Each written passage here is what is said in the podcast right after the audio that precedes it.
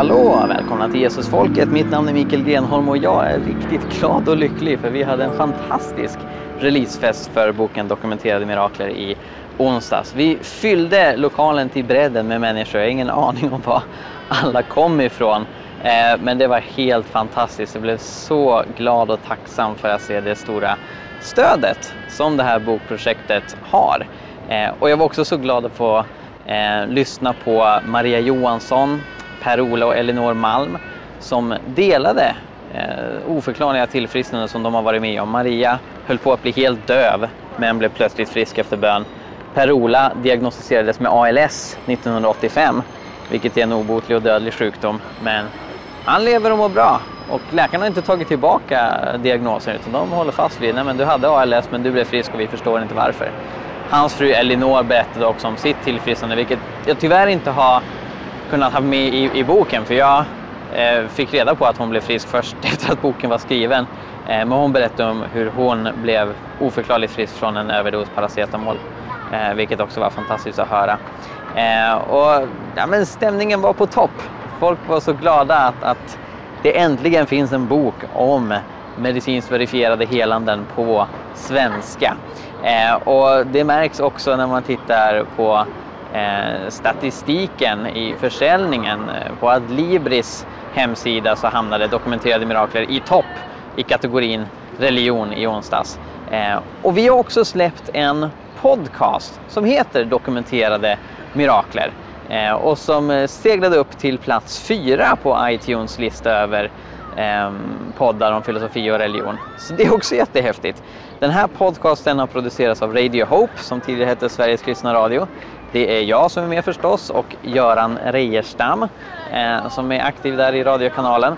Eh, och eh, vi går igenom olika teman i boken. Vi intervjuar människor som till exempel Maria och Per-Ola och andra också som finns med i boken som har blivit friska efter bön på ett sätt som läkarna tycker är vetenskapligt oförklarligt. Och så bemöter vi olika invändningar, vi resonerar kring hur man har försökt mäta böns effekt historiskt och så vidare. Jag tror verkligen att det här är en podcast som kommer intressera er, ni som lyssnar på Jesusfolket. Eh, och vi kommer sända första avsnittet här och nu. Det är så att eh, återigen så kör vi en eh, korspublicering eh, för att eh, ja, men ni ska få lite smak av vad, vad den här podden handlar om. Och om ni gillar den så finns den att få tag på överallt. Dokumenterade mirakler finns till och med på Spotify eh, som podcast och så pass high tech är den. Eh, så se, se, se, till att prenumerera och eh, lämna gärna en eh, liten recension på iTunes och på andra ställen om ni gillar den och det får ni förstås också göra med Jesusfolket. För då så ser människor att de här poddarna finns. Det dyker upp högre liksom i, i statistiken och när man letar efter poddar. Vilket gör att fler kan ta, få ta del av budskapet. Så det hoppas jag att ni kan göra. Alright, nu ska jag inte hålla er tillbaka längre utan bjuda på det första avsnittet från podden Dokumenterade Mirakler. Fru Dorothy Otis infann sig på min mottagning med anledning av omfattande ryggbesvär den 3 mars 1971 varvid fullständig röntgenundersökning av hela ryggraden gjordes. Röntgenplåtarna visade dubbel ryggradskrökning, skolios, förelåg med en tums förkortning av ena benet jämte nervskada som påverkar hela bukregionen. Fru Otis undgick sedan behandling. Förbättringen gick långsamt. Fem dagar senare deltog hon i Catherine Kullmans mirakelmöte. Dagen därefter företogs ny undersökning varvid det föreföll som om en ny ryggrad och ett nytt bäcken ersatt det tidigare. Det kortare benet hade även så korrigerats till rätt längd. Hela bukregionen befanns vidare ha återfått sin normala funktion. Vi röntgenfotograferade fru Otis på nytt samma vecka varvid det bekräftades att den tidigare ryggradskrökningen helt eliminerat sig själv. Hela ryggraden är nu rak och inga spänningsregioner föreligger. Under hela min 20-åriga praktik har jag aldrig tidigare noterat en utveckling som denna utan föregående lång behandling. En mirakulös förändring i benstommen har inträtt, vilket härmed vördsamt intygas. Dr. Larry Hirsch, kiropraktisk ortoped.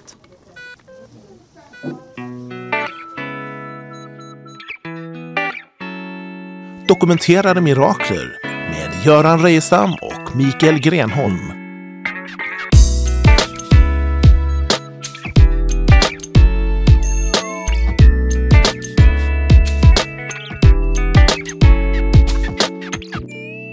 Hej kära lyssnare och välkommen till Dokumenterade Mirakler. Den ständiga gästen som kommer med oss under tio avsnitt, Mikael Grenholm. Välkommen hit. Tack så jättemycket. Kort, Mikael, vem är du? Ja, jag är eh, författare och föreläsare. Jag har då skrivit en bok som heter Dokumenterade Mirakler som kommer ut på Sjöbergs förlag eh, nu i dagarna. Eh, och så är jag pastor i en församling i Uppsala som heter Mosaik. Jag är också engagerad i något som heter Svenska Apologetiksällskapet.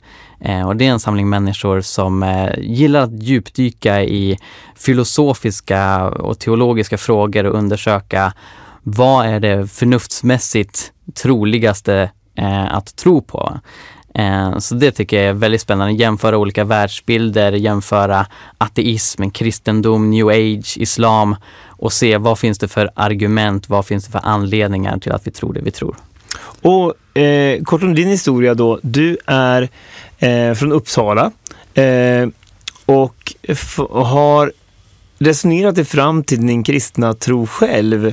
Kan du berätta lite grann om din, om din bakgrund och hur du kom in på det här och också det apologetiska tänkandet kring bevis för den kristna trons sanning? Ja, men jättegärna. Eh, båda mina föräldrar är präster i Svenska kyrkan. Eh, så man skulle ju kunna se det som att min bana var utstakad från första början. Men det var faktiskt så att jag själv tyckte att kyrkan var det absolut tråkigaste som fanns. Eh, så i yngre tonåren när jag började bilda min egen uppfattning, då köpte jag inte det här med Gud. Jag trodde inte på Gud. Eh, utan jag levde som om han inte fanns och jag trodde att han inte fanns. Sen när jag var 15 så insåg jag att eh, Eh, det är bara om Gud finns som det kan finnas någon räddning från döden. Eh, och då så tänkte jag, åh, jag skulle så gärna vilja att, att Gud finns.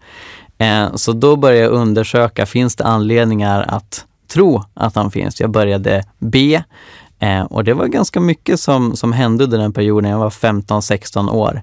Ehm, och, och, jag landade i att nej, men, kristendomen är den mest vettiga världsbilden. Jag såg fler anledningar till att ha en kristen världsbild jämfört med en ateistisk världsbild. Och dina eh, föräldrar då som både var präster, prästutbildade och jobbade inom, jag förstår den akademiska världen inom Svenska kyrkan och med koppling till universitetet och så här. De, de eh, eh, tillhörde, kan man kalla för, den liberalteologiska fåran som säger att kristna tron, mycket av det som beskrivs i Bibeln ska tolkas symboliskt och inte bokstavligt, eller hur? Jo men exakt, alltså en av de sakerna som jag tyckte var mest spännande som talade för en kristen världsbild, det är just mirakler. Och jag började undersöka redan för många år sedan, finns det dokumenterade fall av mirakler? Går det att se att människor har blivit friska efter bön på ett oförklarligt sätt? Så jag började ta hem böcker och läsa om det här och då minns jag vid ett tillfälle när min kära far tittade på en sån där bok och sa, vad är det där för hokus pokus? Idag så har han lite mer ödmjuk eh, inställning. Han är mycket intresserad av boken som jag skrivit nu. Eh, men då så var det så att eh, han, han tänkte lite per automatik att om man verkligen tror att mirakler, tecken och under kan ske idag, att människor kan bli helade efter bön, då är man lite ute på, på isen. Så om man menar det som, det som då kanske många, om man eh, tänker lite fördomsfullt, eh, eh, pastor Jansson, eh, tänkandet inom kanske Svenska kyrkan till stor del eh, består av människor som tänker att när eh, Jesus bad för den eh, lame mannen så ska man se det som en symbolisk historia. Ännu mer när Jesus gick på vattnet så var det, är det, var det en symbolisk händelse eller en allegorisk händelse och inte en, en, en, ett, en faktisk beskrivning av ett händelseförlopp. Precis, och det går att spåra tillbaka historiskt när den här idén började växa fram. Eh, när vetenskapsmän introducerade konceptet naturlagar så började folk tänka att okej, okay, men hur kan mirakler ske? Borde inte det bryta mot naturlagarna? Eh, och än idag så är det många som tänker att mirakler är ovetenskapliga. Så i samband med att jag skrev den här boken så satte jag mig ner med Cecilia Wassén som är docent på Uppsala universitet och eh, har jobbat eh, sida vid sida med, med, mina föräldrar en gång i tiden. Eh, och, och, hon har vid flera tillfällen uttryckt en, en stor skepticism med, gentemot att betrakta mirakler som verkliga historiska händelser. Så hon har skrivit en bok tillsammans med en annan forskare som heter Tobias Hägerland, eh, som går ut på att beskriva vem var Jesus egentligen? Och de skriver redan i introduktionen att i och med att det här är en vetenskaplig bok så utgår vi från att mirakler inte är historiska händelser. Och jag tänkte, hur kommer hon fram till det? Så jag satte mig ner med henne och, och intervjuade henne om det. Va, va, det här är ju fascinerande intressant. Alltså hon eh, är ju, tillhör eh, den akademiska världen inom Uppsala universitet, mm. forskare då. Eh, hon anser då att, att eh, det, du kan inte beforska mirakler eftersom det bryter mot fysikens lagar. Mm. Eh, vad, vad är hennes svar då? då? Ja, alltså jag försökte bena ut varför hon tror det här och, och hela det här finns i boken. Eh, men för att sammanfatta kort, en av de anledningarna som hon och Tobias Hägerland lyfter, ehm, det är att det är emot vetenskapen att tro på mirakler. Men bara för det så betyder det inte att mirakler är omöjliga. Eh, utan det är ju bara liksom enligt det vetenskapliga synsättet men det kan fortfarande vara möjligt att mirakler sker. Och jag, jag frågar henne, men blir det inte lite falsk marknadsföring att tala om vetenskap? För det innehåller ordet vet och det vi menar oss veta, det är ju det vi tycker är sant. Så om vetenskapen är liksom designad för att inte fånga något som faktiskt kan finnas, typ mirakler, har vi inte ett problem. Och hennes svar förvirrar mig lite grann för hon pratade om att ja, man kan väl inte öppna upp för att mirakler sker och då måste man ju tro på alla tomtar och troll och så vidare. Eh, och jag tänkte så här, det, det, här låter så konstigt. Men så insåg jag att Tobias Hägerland som hon har skrivit boken med, han är kristen, han är katolik. Och hon, hon är ateist. Och, och, då insåg jag att det var kanske en kompromiss från hennes sida att göra den här uppdelningen med vad som är vetenskapligt, vad som är faktiskt sant. För själv så tänker hon att det är sant att mirakler inte finns och det är också vetenskapligt. Så för henne är liksom allt är ett slutet system. Det finns inga mirakler. Det är så världen ser ut och det är därför när vi använder vetenskap så kan vi inte öppna upp oss för mirakler. Men då är frågan, hur kom hon fram till att mirakler inte är en del av verkligheten? Ja, just det. Hon, hon boxar ju in det här på samma sätt som, som vetenskapsmän som försöker eh, lansera the theory of everything. Alltså, svar, svaret finns inom evolution tillbaka till Big Bang. Alltså, allting är förr eller senare förklaringsbart inom fysikens lagar. Eh, till den punkt där allting uppstod ur ingenting. Eh, och därefter så kan man inte, så är allting som påvisar något form av mirakel är eh, falsarier helt enkelt då? Ja, eller, eller missförstånd. Eh, jag lyfte ett exempel från boken med henne. Eh, en kille som hette Jens eh, som blev frisk från hjärnskada efter bön och läkarna förstod inte vad som hände. Och jag, jag sa det, är det inte rimligt att åtminstone vara öppen för möjligheten att det här är Gud som har gripit in? Eh, och hon sa, du, du kommer aldrig kunna övertyga mig om det där. Jag, jag, jag tror inte det. Jag tror inte att det kan finnas no några mirakler. Eh, och, och, ett exempel som eh, hon har lyft, det, det, är just att peka på, nej men en läkare brukar typiskt inte liksom spekulera i om Gud har gjort det, utan en läkare nöjer sig med att säga att det här är oförklarligt. Eh, och så är det. Alltså de flesta läkarrapporter som jag har läst i samband med arbetet med boken, de konstaterar att vi förstår inte vad som har hänt här. Det här är oförklarligt. Men jag frågade Cecilia, är det inte rimligt att vara öppen för möjligheten att Gud kan gripa in? Och det var någonting där som, som gjorde att hon inte ville släppa in den möjligheten. Hon kunde förstå att, att det inte är ologiskt att tänka så. Eh, men det finns en resistans gentemot det här från vetenskapssamhället. Man vill inte släppa in Gud ens lite på glänt, utan man liksom bestämmer att hålla Gud borta. Och jag ser inte riktigt någon anledning till det. Jag tror att om, eh, om det bara är möjligt att Gud finns, då är det också möjligt att det kan ske mirakler. Du har blivit sanningssökare. Tänk om så vore att mirakel faktiskt finns. Kan vi då med en vetenskaplig modell, för du använder empiriskt, upptäcka detta?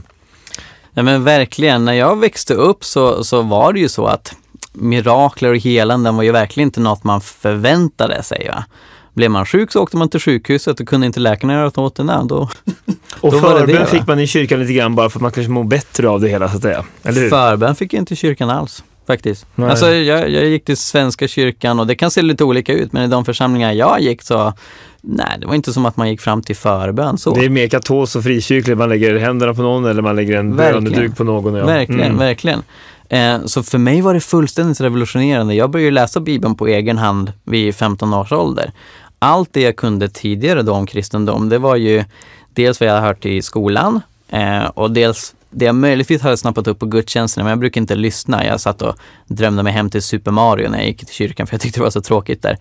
Ehm, men så helt plötsligt så upptäckte jag vid 15 års ålder att lärjungarna bad för sjuka och, och mirakler skedde när lärjungarna sa i Jesu namn bli frisk. Och det var helt nytt för mig. Själva idén att mirakler kunde ske idag var, var mindblowing. För jag hade sett kyrkan som, som ett museum som mindes hur Stålmannen gick omkring för 2000 år sedan och gjorde coola saker. Sen dog och uppstod han och for till himlen och sen var det slut. Det var min bild av kristendomen, men det här att vi kan uppleva mirakler idag, det var fullständigt revolutionerande och då började jag precis tänka okej, men var finns exemplen från det här idag? Var kan jag hitta bevis för att det här sker? Det, här, det här är ju fascinerande. Och så stannade där en litet ögonblick för att eh, du är född början, under 80-talet. Eh, Nej då, jag är 91. Du är 91 ja, så du är från 90-talet ja. Och då, så du är ganska ung och eh, eh, du har beskrivit för mig tidigare att du, du eh, växte upp med egentligen att gå i eh, Uppsala domkyrka nästan varje söndag. Eh, så du gick inte bara som flesta svenskar här, vare sig man tror eller inte, kanske vid eh, första advent eller vid eh, midnattsmässa eller julotta eller vid ytterligare någon begravning och bröllop. Utan du, du var svenskkyrklig kyrkobesökare, trogen de flesta söndagar tack vare dina föräldrar då. Ja. Eh, och jag tänker, jag tror de flesta som lyssnar på det här, eh, oavsett om man är troende eller eh, icke-troende kristen, blir fascinerad över tanken att eh, hur upplevde du med tiden då en kyrka där man, man använder Bibelns berättelser, talar utifrån dem, högläser utifrån dem, predikar utifrån dem, men ser allting symboliskt och inte som eh, varande någonting som faktiskt kan hända av mirakelkaraktär eftersom hela Bibeln är ju otroligt jobbig eh, att läsa om man bara tolkar allting symboliskt eftersom det är så konkret, det som beskrivs som Jesu liv och så vidare. Eh, det var det som hände dig gissar jag då. Du kom i någon slags existentiell kris. Det här är ju omöjligt att få ihop. Eller hur, hur förhåller man sig till det? Ja, alltså det är två olika grejer som spelade in. Dels så lyssnade jag otroligt lite på vad de sa. Eh, och det jag snappade upp, det förstod jag inte. Jag brydde mig inte om att kolla upp det, för jag förstod inte relevansen i det. En annan sak som var revolutionär var när jag insåg att O Guds lamm, som man sjunger i Svenska kyrkan, syftar på Jesus. För jag hade ju trott att det var ett får som Gud hade på ett moln där uppe. och, och liksom, jag hade tänkt så här, okej, varför då? Men jag brydde mig inte om att kolla upp det. Därför att dels så tyckte jag att ritualerna var tråkiga. Idag kan jag finna stor behållning i de lite mer högkyrkliga ritualerna, men för en ung kille som dessutom inte fick gå till söndagsskola väldigt mycket, för pappa ville att jag skulle uppleva gudstjänsten tillsammans med alla andra. Ehm, ja, det var inte så mycket som tilltalade mig. Eh, så, och, och sen så var det ju också ointresse, även det jag förstod eh, så greppade jag inte vad det här hade för relevans till mig. Som sagt, jag, jag trodde kristendomen gick ut på att fira en häftig person som levde för länge sedan och vara glad för att han uppstod från döden. Eh, och, och ja, jä- jättekul för honom. Det jag inte förstod är att Jesu uppståndelse enligt kristen tro innebär att vi också kommer uppstå. Att det har direkt koppling till mig. Eh, och, och det var egentligen det, det revolutionerande som jag upptäckte vid 15 års ålder. Eh, att om Gud finns och om Jesus är den han sa sig vara, eh, då finns det en mirakulös kraft i universum som dels kan hjälpa oss i livet här och nu, men inte minst öppnar portarna till ett evigt liv, evig lycka där det finns evigt helande. Eh, och, och det är ju någonting som kommunicerades. Till exempel så läser man ju upp trosbekännelsen i Svenska kyrkliga församlingar och där finns ju allt sammanfattat. Vi tror på de dödas uppståndelse och ett evigt liv. Men det var inte bara problemet att saker underbetonades utan jag lyssnade inte. Jag tyckte att ritualerna var så tråkiga att jag satt och tänkte på tv-spel och Ronja i 8F och andra intressanta saker va, jämfört med det som faktiskt pågick där. Så därför så, så var det mycket som jag inte tog till mig. Ska man ta det här på allvar, då måste det ju finnas mirakler, för annars är ju allting bara livsfilosofi och fejk. Eh, ungefär som den frågan som många ateister i Sverige idag ställer sig naturligtvis, att jag kan inte tro på Gud för jag kan inte tro på mirakler. Men, och Bibeln säger då själv då, eller Jesus säger själv då att tro på mig för mina gärningars skull. Alltså hela idén med att skriva ner allt han gjorde verkar ju till stor del ha varit att vi ska tro på Gud därför att det övernaturliga faktiskt finns. Mm. Ja, men Eh, verkligen. Och eh, det är väl det som är din, din mission med den här boken gissar jag. Oh ja, jag, jag definierar mirakler väldigt enkelt. Jag definierar det som övernaturliga händelser. Och övernaturliga händelser är centralt för alla religioner. Religioner funkar inte utan det övernaturliga. Så, så mirakler hänger intimt samman med de sanningsanspråk som religioner gör. Och det är därför det inte funkar med den typ av liberal teologi som försöker kompromissa med ateismen och säga okej, men vi har religion utan mirakler då. Därför att då finns det egentligen inte så mycket kvar. Eh, så av, av den anledningen så, så är det viktigt och relevant för alla att undersöka mirakler. Sen är det teoretiskt möjligt att mirakler var någonting som fanns förut men som inte finns idag. Det finns även vissa kristna som tror det. Men jag har aldrig köpt det. Jag har inte förstått varför Gud skulle sluta och jag har som sagt sett flera saker eh, som är väldokumenterat som liknar mirakler till väldigt stor utsträckning. Va? Eh, så jag, jag tror definitivt att mirakler kan ske idag. Eh, och det är därför som, som jag velat skriva den här boken och det är därför som vi spelar in det här. För att det här är en viktig kunskap som behöver komma ut och som berör alla. Eh, för finns det skäl att tro att mirakler är en del av verkligheten, då är det en verklighet som delas av alla. Oberoende av vad vi tror på idag. Så om vi presenteras med goda skäl att säga det här är en del av det universum du befinner dig i, så bör du tro på det, även om det kanske för vissa är obekvämt att tro. Men då finns ju den här invändningen som jag vet en del kristna ibland brukar säga, ja men vi kan inte vetenskapligt eh, eh, räkna ut Gud, vi kan inte, kan inte bevisa någonting eh, med vetenskapligt, utan det han, kommer alltid handla bara om tro. Eh, vad, vad, och, och ändå försöker du göra det här. Ja, nej men verkligen, verkligen. Det finns en sån eh, föreställning som både lyfts av troende men även icke-troende att eh, om du försöker belägga mirakler och med mirakler visa att Gud finns, då så eh, går du emot tro. Tro går ut på att eh, man inte ska ha bevis för, för det man tror på. Och jag förstår inte riktigt hur det skulle funka. Om vi tänker oss rent hypotetiskt att Gud griper in och ger en blind person sin syn tillbaka. Eh, då borde det vara någonting som vi kan se och undersöka. Verifiera, ja. ja. Ja. men precis, precis. Vi ser det här till och med i Bibeln. I Johannes 9 så kommer Jesus och ger en blindfödd man synen tillbaka. Och, och, och då går fariseerna runt, de intervjuar den före detta blinda mannen, de intervjuar hans föräldrar för att kolla med dem att han faktiskt föddes som blind och de säger ja, jo, så är det. Eh, och, och, och det är en verifieringsprocess som är fullt möjlig att göra. Och enda sättet att säga nej men vi kan inte bevisa mirakler eller vi kan inte bevisa att Gud finns. Det skulle innebära att om Gud finns, att han griper in, gör ett mirakel och sen suddar ut alla bevisen. Han kanske raderar minnet på alla de som hade sett den här personen som blind. Och ja, det är teoretiskt möjligt, men det vore lite märkligt. Ja, ja.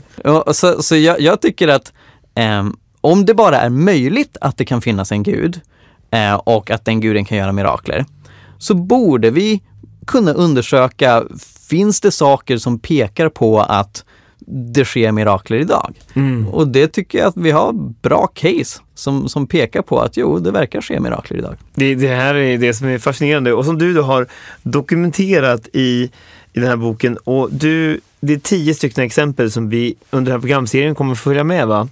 Eh, några av dem, och vi kommer att intervjua några av de här personerna som faktiskt har varit med om eh, dokumenterade mirakel, medicinska mirakler och där läkarjournalerna då säger detta flummiga Eh, ja, vad skriver de egentligen? De skriver oförklarlig tillfrisknande eller liknande. Jag har själv varit med om sådana där märkliga formuleringar. Ja, nej, men precis, precis. Eh, vissa läkare eh, säger till och med att något mirakulöst har skett. Eller det här är ett under. Mm. Eh, eh, och, och det kan man ju säga och det är inte alltid de lägger en religiös bemärkelse i det utan de bara konstaterar att det här är helt förbluffande. Eh, andra nöjer sig med att säga eh, det här är oförklarligt. Med nuvarande kunskap vet vi inte vad det här handlar om. Eh, jag har aldrig sett något liknande eller något sånt där. Så det är lite olika och, och, och det är därför som jag pratar om det här i olika steg. Första steget är det jag kallar för vetenskapligt oförklarliga tillfrisknanden efter bön, vilket jag förkortar till VOTEB. Så när jag kommer nämna VOTEB i det här programmet, då är det det jag pratar om, alltså ett tillfrisknande som är oförklarligt enligt vetenskapen som har skett efter bön. Det är det första steget och det är väldigt lätt att etablera att det här finns. Det finns ganska många exempel på det här. Sen andra steget är mirakler. Så då är frågan, är ett VOTEB ett mirakel? Och det är egentligen ett av två alternativ. Därför det andra alternativet är att det finns en naturlig förklaring till de här tillfrisknandena, men vi känner inte till det än. Så kanske i framtiden kommer vi komma på, ja men det fanns en naturlig orsak till att den här blinda personen kunde se. Och det är möjligt, men det jag gör att diskutera vad är mest sannolikt? Att alla VOTEB som vi ser är okända naturliga fenomen eller att åtminstone något av dem är ett mirakel. För det räcker med att ett enda är ett mirakulöst bönesvar så finns ju mirakler. Mm. Mm. Sen är det tredje steget, okej, innebär det här att Gud finns? Så om vi har etablerat att mirakler finns betyder det att det finns en Gud och det tycker jag är ganska lätt att visa. Så det här kallar jag för bokens trestegsraket. Att det första steget är vetenskapligt oförklarliga tillfrisknanden efter bön. Nästa steg är, är det mirakler? Och tredje steget är, betyder det att det finns en gud?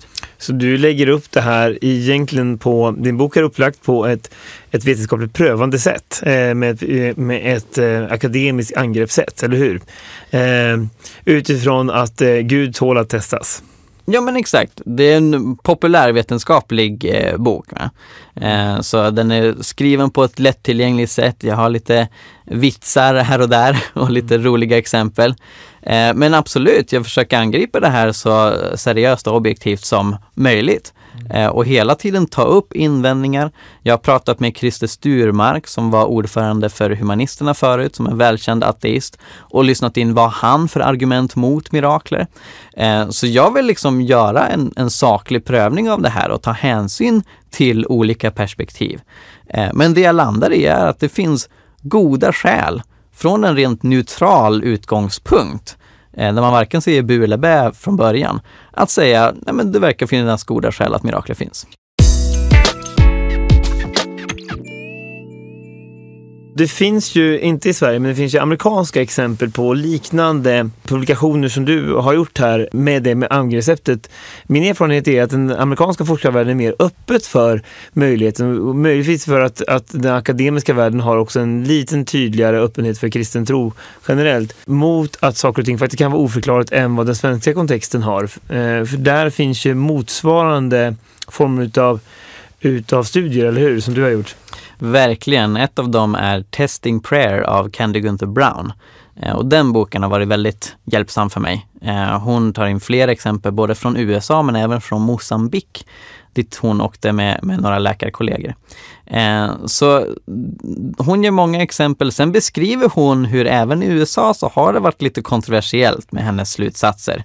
Eh, Hon fick en artikel publicerad i Southern Medical Journal som visar att när de undersökte eh, syn och hörselnedsatta i Mosambik före efter bön så såg de dramatiska förbättringar hos flera av dem. Eh, så några gick från att i praktiken vara döva eller blinda till att kunna höra och se. Eh, och det här publicerar de och de spekulerar inte så mycket i, beror det på Gud, beror det på något annat, utan de bara konstaterar vad, vad de har sett. Och det fick en hel del kritik. Och, och de frågar, vad, vad gör en sån här artikel i en, en seriös vetenskaplig medicinsk tidskrift? Eh, men jag menar, de hade bara rapporterat vad de hade sett. Det är det, det är det vetenskap går ut på. Man observerar någonting och så beskriver man det. Mm. Så den kritiken var ju ganska osaklig och det visar de på ett tydligt sätt i, i boken. Eh, men det är som du säger att i Sverige finns det ännu större resistans. Så förmodligen så, så sticker min bok lite i ögonen på folk, men jag hoppas att den kan göra att det leder till en större öppenhet. För jag begriper inte varför vi ska bete oss i samhället som om mirakler är ett avslutat kapitel, som om det var något man trodde på förr och inte idag. När i själva verket finns det väldigt goda skäl att tro att det är en del av verkligheten. Ja, alltså att människan tidigare de var lite mer vedskärpliga och mindre intellektuella än vad moderna sker. Det är ganska eh, narcissistiskt sätt att se på sin egen eh, tidsepok kan man ju tycka. Eh, jag eh, eh, det är fascinerande att höra det här och, och se fram emot fortsättningen nu. Vi ska gå igenom då, eh, dels i nästa avsnitt, eh, är mirakler möjliga? Så har vi satt som rubrik på den. Och eh, senare under podcastserien ska vi då intervjua flera av de personer som du har eh, kommer i kontakt med och skriver om i den här boken. Man kan ju gissa också det att många av de här läkarna som eh, skriver de här rapporterna eh, läkarjournalerna efter mirakulösa tillfrisknanden, de har också samma svårighet att, att skriva någonting som är, inte faller utanför ramen för att bli bespottade för att nu är du också blivit kvacksalvare. Kan man gissa? Har du intervjuat flera läkare också? Jag har visat upp mitt material för olika läkare. Dels för att jag själv inte är medicinskola så jag vill få alla uppgifter korrekta och sen vill jag få lite fler ögon på om det är rimligt att säga att det här är oförklarliga tillfrisknanden. Ehm, det, det, du beskriver är det flera som har bekräftat. Att det finns ett stigma att vara mm. öppen för det här. Ehm, och där det har börjat förändra sig mest är inom antropologin. Så det är många antropologer som åker ut till något eh, stamfolk ute i världen. Och då har de skolats i, eh, i ett tänk där man lämnar bakom sig den kolonialistiska föreställningen om att vita europeer vet bäst. Utan då går man in i deras världsbild. Så där är det flera som har, har liksom betett sig som shamaner och upplever övernaturliga grejer. Och det är ganska spännande. Eh, men inom andra fält, inom skolmedicin och så vidare, så är det fortfarande ganska tabu. Och nästa avsnitt ska vi då gå in på just detta då. Kan mirakel vara möjliga? Och utan att man ska behöva såga av sitt eget intellekt. Exakt. Tänka sig eh, att svaret är ja på den frågan. Eh, vi ser mycket fram emot detta. Tack så hemskt mycket Mikael för att gästa oss idag och välkommen tillbaka i nästa avsnitt. Tack så mycket. Har du blivit berörd av det här programmet eller har någon fråga? Skriv ett mejl till info dokumenterandemirakler.se